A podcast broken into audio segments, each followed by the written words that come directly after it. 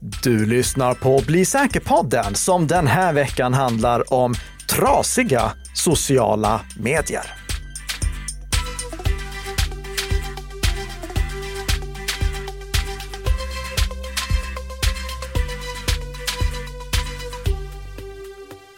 Jaha, vem har tagit sönder dem nu då? Det var du. Det var, det var jag. Var, var du också inblandad? Eh, ja, alltså, vi, har ju alla vårt eh, ansvar i att Ja. eh, sociala medier har gått sönder lite grann. Men sen får jag ju säga att största skulden lägger jag på Elon Musk Ja. och Reddits vd, Spes heter han på Reddit. Jag kommer inte ihåg vad han heter i verkligheten, den människan. Men den här veckan, då ska vi prata om hur vi kanske har en chans att rädda det digitala samtalet med nya sociala medier, men också de uppenbara IT-säkerhetsriskerna som den nya generationens sociala medier för med sig.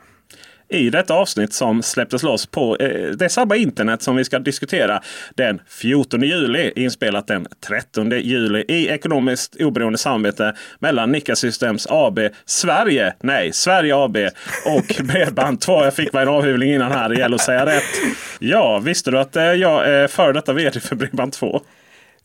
Nej, det visste jag inte och jag ifrågasätter det också. Ja, det gör jag också. Jag visste inte det heller nämligen. Eh, det är nämligen så att Google Bard som är Googles utmanare och utmanare får man väl säga om man är liksom sist på bollen då. Eh, till ChatGPT. Och eh, det lanserades idag den 13 juli i Sverige på svenska. Och jag var tvungen att fråga, så, så, man är ju sån. Ja. Vem är Peter Esse? Eh, och då fick jag svar. Peter Esse är en svensk poddare och teknikjournalist. Han är mest känd för sin podd Tech som spelar roll. Som han har gjort tillsammans med Andreas Ros sedan 2016. Peter har också skrivit för tidningar som Aftonbladet, Dagens Nyheter och Svenska Dagbladet. Han är även före detta vd för Bredband2. Ja du, det var väl ett rätt eller kanske två här. Det är att Peter Esse är svensk poddare och teknikjournalist. Eh, jag har ingen podd som heter Tech som spelar roll. Jag har dock skrivit den frasen på min Youtube. Jag känner överhuvudtaget ingen som heter Andreas Ros. Jag tror han eh, jobbar på Lunds universitet. Eh, när jag googlar upp honom snabbt. Och jag har inte skrivit för Aftonbladet, Dagens Nyheter eller Svenska Dagbladet. Och det här är ju talande om att den här generativa AI egentligen bara är någonting som sammanfogar ord från olika delar av internet så att det ser ut som, en, eh, som ett hyfsat okej stycke. Men faktan är, har du ju ingen aning om om det är korrekt. Nej, eh, vi har sagt det tidigare. Kom ihåg att en sån här generativ text AI som ChatGPT eller Bing eh, eller nu då Bard, de är inte uppslagsverk. De är språkmodeller. Det är inte, ingen googling så att säga, även om det kan kombineras då. Och eh, i detta så eh, när jag varit inne på Bard går det också att trycka på googla upp samma information. Det finns ute för alla att testa som har ett Google-konto. Eh, det är också fint av dem att de skriver att lämna ingen hemlig information här, inga känsliga uppgifter. För att det sker kvalitetskontroll med hjälp av människor. Och just att inte lämna känsliga uppgifter Hemliga uppgifter är något vi har pratat om i både förra och förrförra avsnittet när det kommer till denna typen av verktyg. Exakt. Sen så ska vi hoppa in på en riktig långkörare, nämligen transatlantisk överföring av personuppgifter. Och ni som somnade nu, ni kan sova ett tag så kommer vi tillbaka med roliga saker när vi Det är pratar ju om. jätteviktigt, Karl Ja, ja, det är det- ju det viktigaste vi har nästan. Ja, det, det, det här det, det är ju en, en riktig långkörare. Ska eh, bolag få överföra sina kunders personuppgifter till amerikanska molntjänster? Ska vi kunna använda Google Analytics? Ska vi kunna använda Google Analytics eller ska vi kunna använda eh, en svensk tjänst som driftas i Google Cloud eller i Amazon AWS som driver typ halva nätet? Det var överdrift. Det var, alltså, eh, Amazon AWS är stort, men de driver inte halva nätet. Vi har haft två tidigare försök på att få till avtal som ska låta de europeiska bolagen använda amerikanska molntjänster. För problemet som vi har sett är ju att USA, de respekterar inte våra rättigheter som eh, europeiska medborgare. De amerikanska massövervakningslagstiftningarna, de står i direkt kollision med till exempel GDPR fram till 2015, då hade vi ett eh, avtal som vi kallade Safe Harbor för att få överföra personuppgifter. Men det ogiltigt förklarades. Sen så ersattes det av eh, det som vi lite elakt skulle kunna kalla Safe Harbor 2.0 eller egentligen Privacy Shield. Och Privacy Shield, det var det vi hade som ett eh, avtal för att få överföra personuppgifter fram till 2020 då Schrems 2-domen föll och och eh, gjorde det olagligt att överföra personuppgifter till USA om det inte fanns väldigt speciella omständigheter, till exempel att uppgifterna var totalstreckskrypterade så att de inte kunde läcka till amerikanska övervakningsmyndigheter. Men eh, efter 2020 när Schrems 2-domen föll, då stod vi i den här situationen att ja, vad i hela friden ska vi göra? Det, vi kan inte överföra personuppgifter till USA.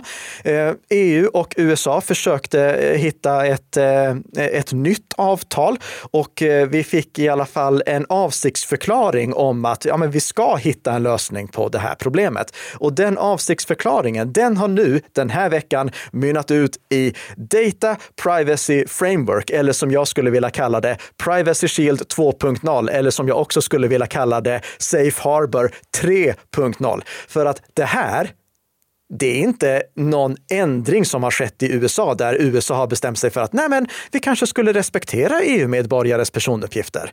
Och det är inte heller någonting som har skett i EU där vi säger äh, men okej, vi kan läcka de här personuppgifterna till USA, utan vi har fått Safe Harbor 3.0, Privacy Shield 2.0 eller Data Privacy Framework eh, 1.0 då, som egentligen mer handlar om omtolkningar och lite nya fräscha ord.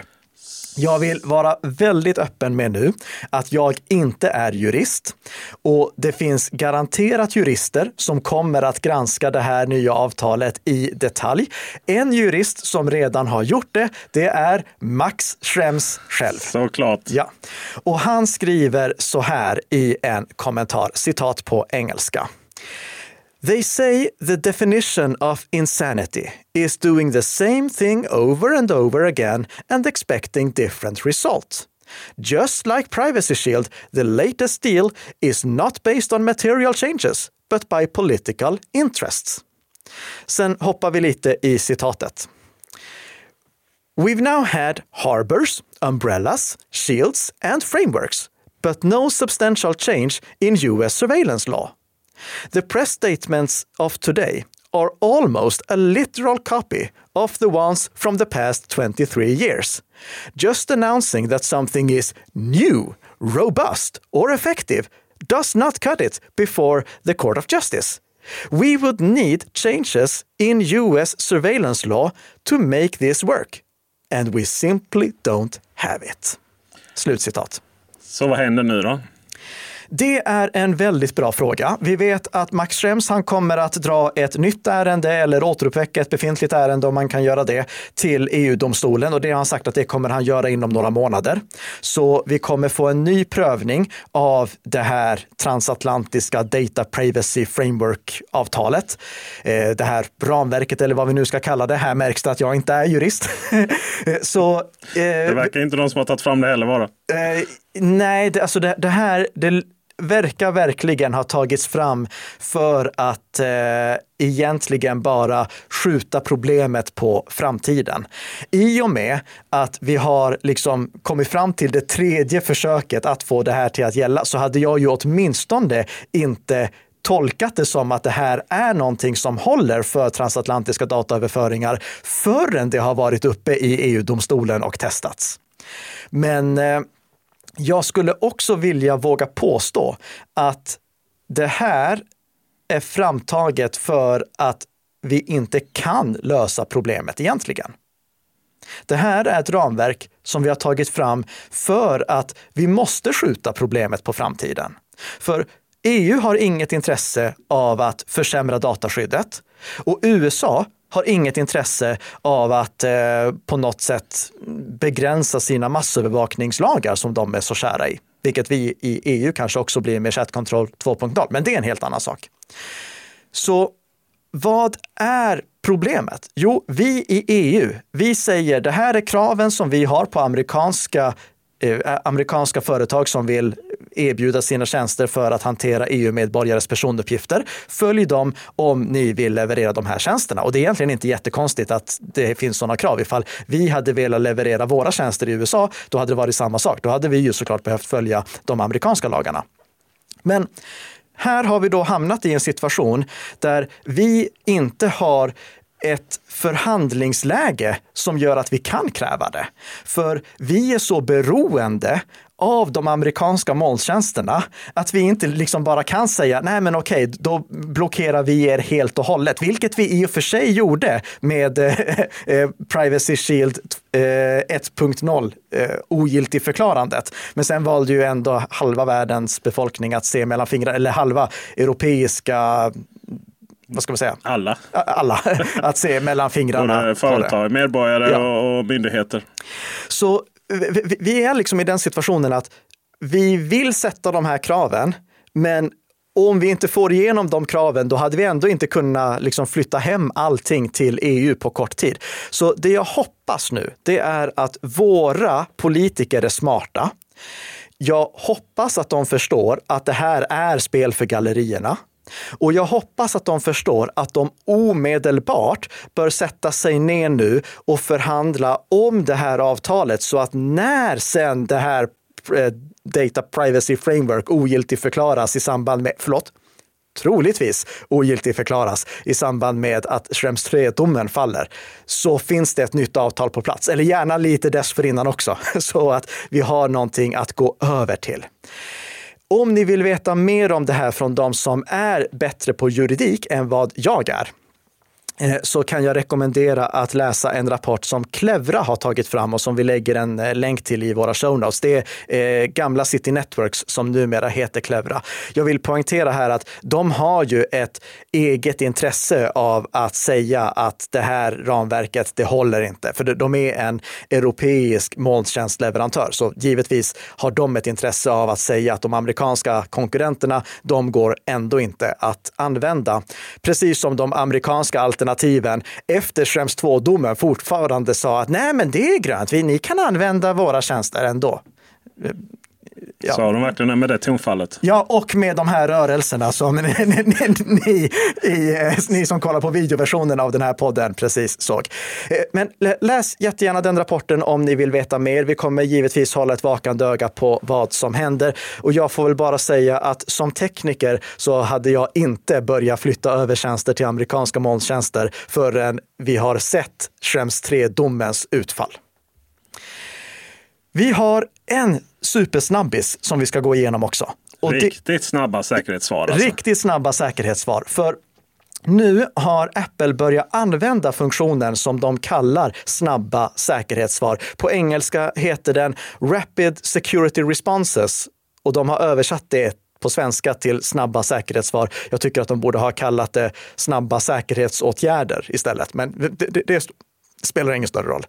Eh, det här är en funktion som finns tillgänglig i eh, senaste MacOS och senaste iOS och det kommer fortsätta att bara vara tillgängligt i den för stunden senaste versionen av MacOS och iOS. Det är en funktion som gör det möjligt för Apple att rulla ut små säkerhetsåtgärder för att åtgärda säkerhetsbrister som finns i Apples operativsystem. De rullade ut den första sådana här åtgärden, den första, det första snabba säkerhetssvaret i maj och nu har de rullat ut det andra snabba säkerhetssvaret. Och det här var för att åtgärda en säkerhetsbrist som hade upptäckts i Safari.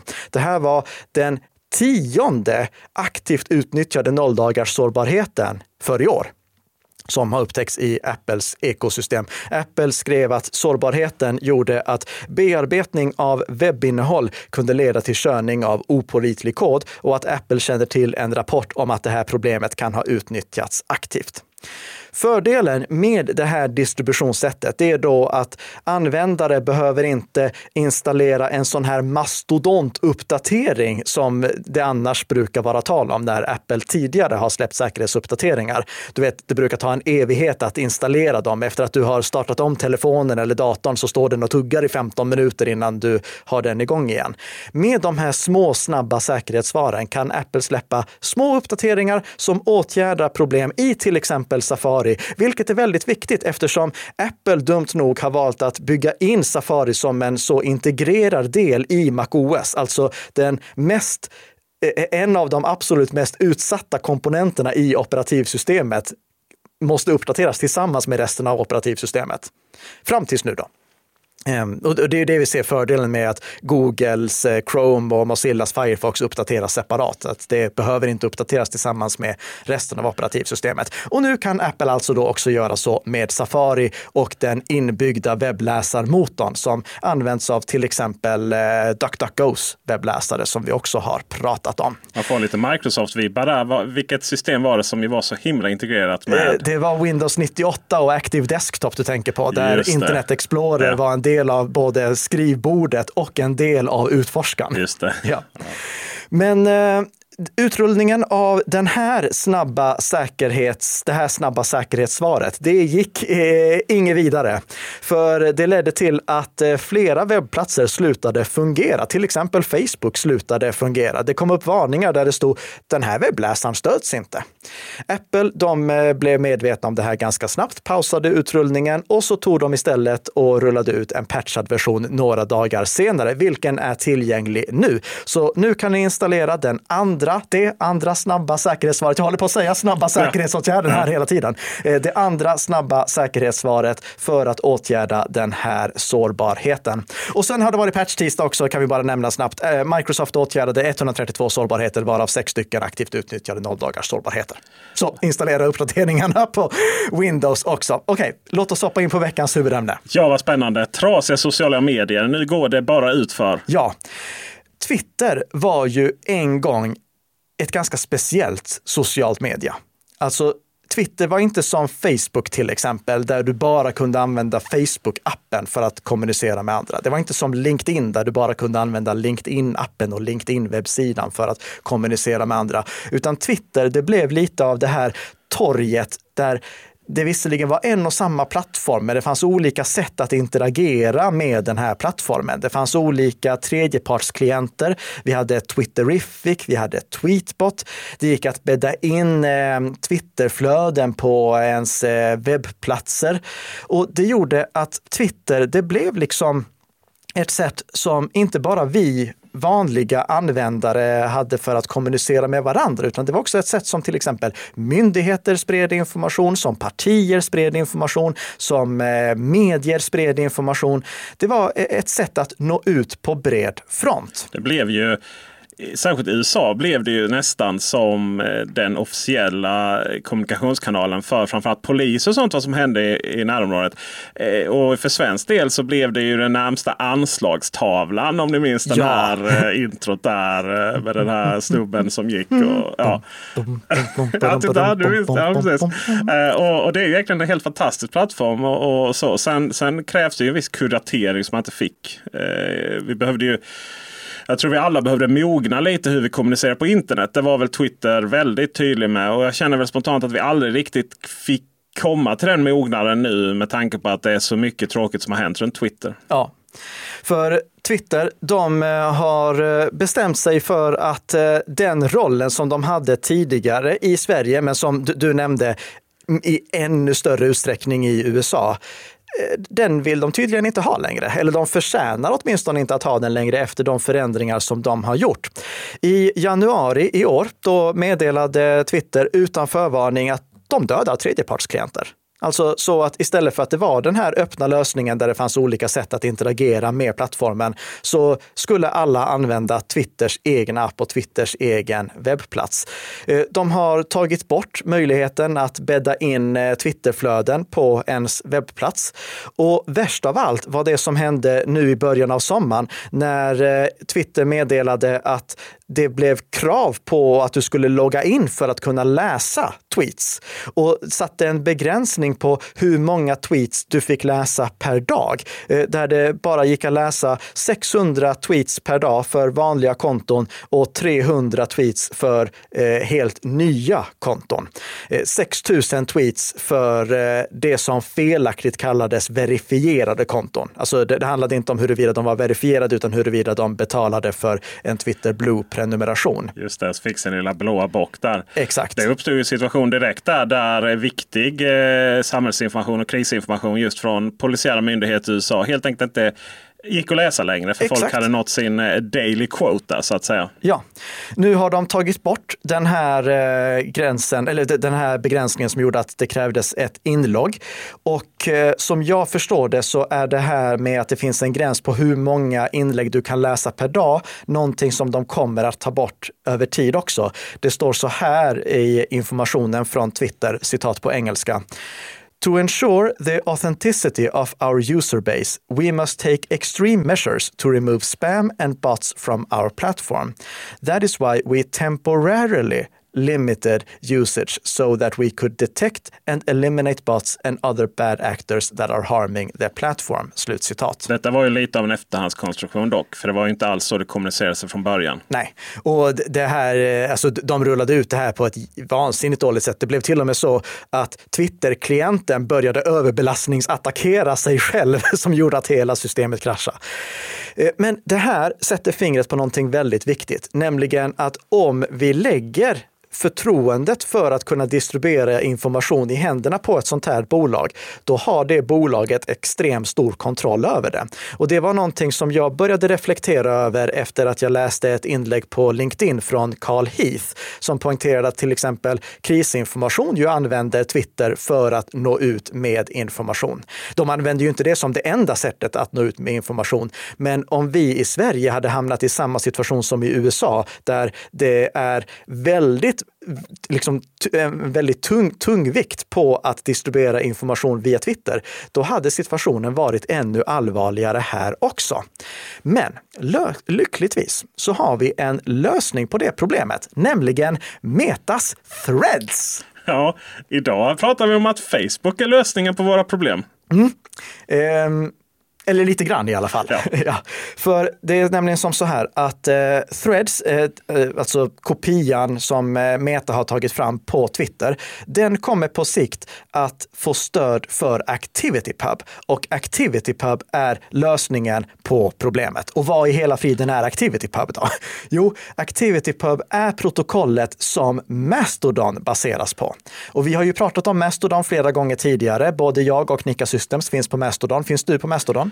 Jag provade det lite men eh, jag tyckte det var för komplicerat. Det Jag fanns många anledningar varför jag inte gillade Mastodon alls. Ja, jag gillade det mer och mer och jag skulle säga att nu har vi kommit till den punkten där Mastodon faktiskt används av vanliga användare också. Tidigare så var det Linux-nördar med långt skägg och Linux-nördar utan skägg när jag tänker efter. Så kan det vara. Och, och anledningen till det var ju lite det du förklarade för mig. Att för när jag skulle hänga på Mastodon då var ju eh, Mastodon egna eh, federerade server, kallar vi det, instans eller Ja. vad vi kallar det. Den var ju stängd för nya användare. Just det. Eh, Och sen så fick, gick jag upp på en annan och skulle då kommentera till dig. Jag var tvungen att kopiera URL så jag såg inte din historik. Och, ja, det var lite, det, man, vill, man vill ju inte ha motstånd när man ska testa nya tjänster. Så är det ju på internet. Precis. Vi e-handlar ju inte ens om vi har tre klick. Liksom. Nej. Och det som du är inne på här, det är ju sättet som eh, ActivityPub och Mastodon gör att det inte går att begränsa informationsspridning med en liten asterisk. För med Mastodon, då har du massvis av olika instanser. Och oavsett vilken instans som en användare registrerar sig på, alltså oavsett vilken server som en användare registrerar sig på, så kan den användaren ändå kommunicera med användare på alla andra instanser med samma asterisk igen som jag återkommer till alldeles strax. Det är det som gör att även om jag är registrerad på eh, den eh, eh, den officiella Mastodon-instansen som drivs av organisationen bakom Mastodon, mastodon.social, så kan jag kommunicera med dem som är på till exempel Mozillas kommande Mastodon-instans som de håller på att testutvärdera eller teststarta just nu, mozilla.social. Just det problemet som du råkade ut för Peter, det har Mastodon nu delvis löst. För om du vill komma igång med Mastodon och aldrig använt det tidigare, då laddar du bara ner appen. Och allt det här med att du ska välja instans och sånt som känns obekant, det eh, kan du strunta i, för den säger använd vår instans nu. Nu är den öppen. Så ja, använd vår instans och visst, sen när du har förstått hur det här fungerar, då kan du kanske fundera på att byta. Men det har gjort det lite lättare att komma igång med. Med den här lösningen, då kommer vi alltså att få möjlighet att se till att de som vill kommunicera kommer kunna fortsätta att kommunicera oavsett vad någon eh, techmiljardär med för mycket pengar bestämmer sig för att göra en vacker dag. Och nu när eh, vi har sett att threads på sikt ska få stöd för ActivityPub så att det kommer gå att interagera mellan threads, alltså den här jätten eh, som redan har blivit jättestor. Den finns ju inte i Europa än, men den kommer till Europa förr eller senare. Det kommer gå att interagera mellan Mastodon-instanser och threads. Eh, Mozilla, de är ju fortfarande att räkna med och de håller på att starta sin egen Mastodon-instans, som jag sa, på eh, mozilla.social. Det gör att nu börjar det bli lite det, bör, det börjar ta lite fart. Mastodon är fortfarande mycket, mycket mindre än Twitter. Det, mm, eh, Twitter, de har 100 eh, jag ska säga här, eh, kommer inte ihåg exakta siffran. Skrev jag inte ner den? Det var dåligt av mig. Hundratals miljoner eh, användare i alla fall. 330 miljoner månatligt aktiva användare, så är någonstans. Kollar vi på Mastodon, då har de 1,7 miljoner månatligt aktiva användare enligt eh, FediDB som är en eh, tjänst som övervakar hela världens federerade nätverk. Så Mastodon är fortfarande mycket, mycket mindre, men det växer och det är någonting som på sikt skulle kunna ta bort det problemet med att vi lägger för stor för stor kontroll i händerna på en specifik aktör. Men sen har vi riskerna som det också för med sig. För om du registrerar dig på en Mastodon-instans, då anförtror du den Mastodon-instansen med din information och att den faktiskt inte ska göra något elakt med ditt konto som du har på den Mastodon-instansen. Och många av de här Mastodon-instanserna, de drivs ju inte av stora företag som har hela avdelningar som sysslar med eh, eh dataskyddssäkerhet och it-säkerhet, utan det drivs av hobbyister. Inte alla, men många gör det. Och då lägger du faktiskt ansvaret i händerna på den personen. Och det handlar både om att den personen inte ska missbruka den åtkomsten som den personen får och att den personen ska hålla instansen säker. För om det upptäcks en sårbarhet i Twitter, då är det bara Twitters servrar som behöver åtgärdas. Om det upptäcks en sårbarhet i Mastodon, då behöver alla världens servrar och framförallt den servern som du har registrerat dig på, den instansen, den behöver underhållas. Enligt FediDB har vi för närvarande 13 000 instanser som kör Mastodon. Och då är det alltså upp till de som driver de här instanserna att uppdatera de instanserna när det har upptäckts sårbarheter. Vi hade faktiskt ett exempel nu från förra veckan. För eh, i samband med att Mozilla ville börja driva sin egen Mastodon-instans, då anlitade de tredjepartsgranskarna på Cure 53 för att göra en tredjepartsgranskning av koden som Mastodon kör. Då upptäcktes fyra stycken sårbarheter, bland annat en väldigt allvarlig sårbarhet som eh, heter CVE 2023 36 460 även känd under det lite mer lättihågkomliga namnet Tootroot. T-O-O-T då? Precis, root. Toot, ja. root. Och det är ju för att på Mastodon då tutar du istället för tweetar. Och eh, root är för att om en angripare preparerade en mediafil på ett specifikt sätt, då kunde angriparen ladda upp den till sitt Mastodon-konto på den Mastodon-instansen och då få root-rättigheter på servern, alltså ta över den fullständigt. Så när vi liksom skaffa det här sättet att kommunicera som är mer decentraliserat, som mer påminner om e-postsystemets decentraliserade lösning. Då blir det som med e-postsystemet, att alla som driver e-postservrar måste ansvara för att underhålla dem. Och du som registrerar dig på en e-postserver eller en Mastodon-instans, du måste också vara bekväm med att ge den informationen som du ger till just den Mastodon-instansadministratören. Du måste också lita på att den Mastodon-administratören faktiskt modererar den instansen på ett sätt som gör att den inte blir blockerad av andra populära instanser. För vi har sett till exempel den här stora svenska Mastodon-instansen, mastodon.se. Den la ner för att den som administrerade den eh, instansen inte orkade hålla på och försöka moderera den på ett sätt som gjorde att det inte blev blockerat av massa andra instanser. För att om en instans blockeras av en annan instans, då går det inte att kommunicera däremellan. Det är sättet för att förhindra att det ska spridas massa skräppost och annat i det här nätverket. Men det gör ju också att du måste se till att den som driver den instansen har de ekonomiska resurserna för att faktiskt hålla den här instansen ren. Så medans vi på traditionella sociala medier bara behöver tänka på att okej, okay, vi ska se till att vårt lösenord inte läcker. Alltså, vi, vi har ju haft problem med det tidigare också. Eh, till exempel 2019, då blev Socialdemokraternas konto på Twitter kapat och de twittrade ut en like är lika med en död muslim. Eh, 2022, då kapades SVT Dalarnas, Norrbottens och Västerbottens Facebook-sidor och så lades det ut konstig information där också. Men det, det var ju då på grund av att de som Alltså Socialdemokraterna och de här regionala SVT-stationerna, de hade gjort något misstag. När vi nu börjar prata om de här eh, federerade lösningarna, då handlar det både om att du ska ta ditt ansvar, du som registrerar dig. Men den som driver instansen måste också ta sitt ansvar. Och hur vet vi att den som driver instansen tar sitt ansvar och inte missbrukar faktiskt de möjligheter som administratören har? Jag tror ju att ifall våra svenska myndigheter och partier vill medverka på den här typen av federerade lösningar eller federerade tjänster, då gör de bäst i att sätta upp sin egen Mastodon-instans så att de har full kontroll över den. Men då är plötsligt tröskeln för att komma in extremt mycket högre. Det är Linus skägg igen då. då. Ja, precis, precis.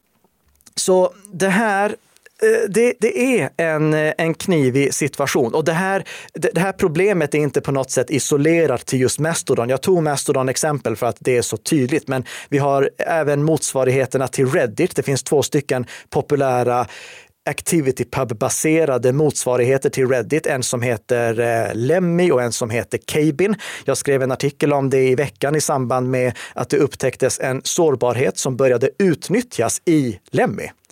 Och det ledde till att till exempel instansen där jag är registrerad, mastodon.world, äh, eh, förlåt, lemmy.world, den fick eh, sitt namn utbytt till Israel och så dök det upp en bild på en person som rökte en cigarr eh, och hade texten eh, “Just raped a kid in the woods”.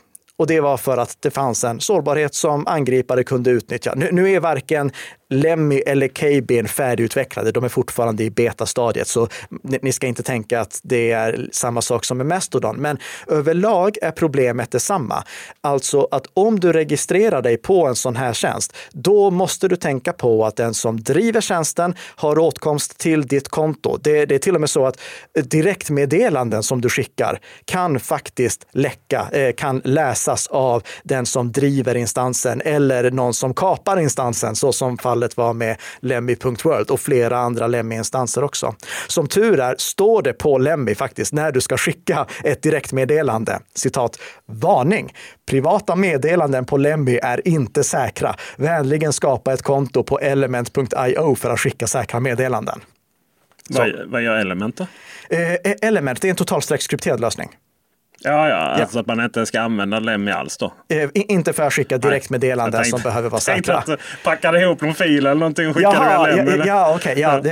Element och Matrix ska vi också prata om vid ett senare tillfälle. Men eh, som bara en liten avslutning, kom ihåg att om du väljer att engagera dig på eh, Fediverse, på de här federerade sociala medierna, då måste du se till att hålla bra koll på din egen it-säkerhet.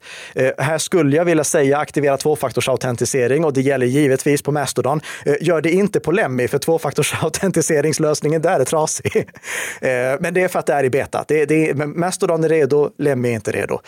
Och kom ihåg att bara registrera dig på instanser som du faktiskt litar på. Och med Mastodon som exempel, då hade jag valt mastodon.social som drivs av de som ligger bakom Mastodon. Och sen får jag väl bara säga att i övrigt så kan det vara bra att vi faktiskt går tillbaka till de här mer decentraliserade lösningarna där det inte är någon som har samma kontroll. Och det är inte bara då till exempel eh, Mastodon och ActivityPub jag tänker på. Eh, nyhetsbrev det, det börjar dyka upp många bra tjänster för att läsa nyhetsbrev. Alltså inte nyhetsbrev som du får till din inkorg i e-posten specifikt, utan nyhetsbrevsläsare där du prenumererar på nyhetsbrev, men du får nyhetsbreven serverade till en tjänst som är dedikerad för att läsa just nyhetsbrev. Men principen är ju densamma i och med att det förlitar sig på Eh, 70 80-talstekniken e-post. Det, det, går inte, det, det finns ingen som har full kontroll över det. Ehm, eller RSS. Alltså, det, följer du många RSS-flöden? Ja, men det gör jag ju just för att hålla koll på nyheter. Men ja. det som var synd med RSS var ju att det försvann ju från webbläsarna för mm. några år sedan. Det var ju inbyggt både i Safari, stor ja. läsare, och sen hade vi Google Reader, må du vila i fred. Ja. Eh, RSS, det har vi säkert skäl att återkomma till, men jag vet faktiskt att alla våra lyssnare, de använder RSS. För RSS är grunden som poddar distribueras via. Och den här podden, den lyssnar du ju bevisligen på, så varför inte passa på att prenumerera på dess RSS-flöde då också via valfri poddspelare, så får du redan nästa vecka ett nytt avsnitt av Bli säker-podden som gör dig lite säkrare för varje vecka som går. Tack för att du har lyssnat.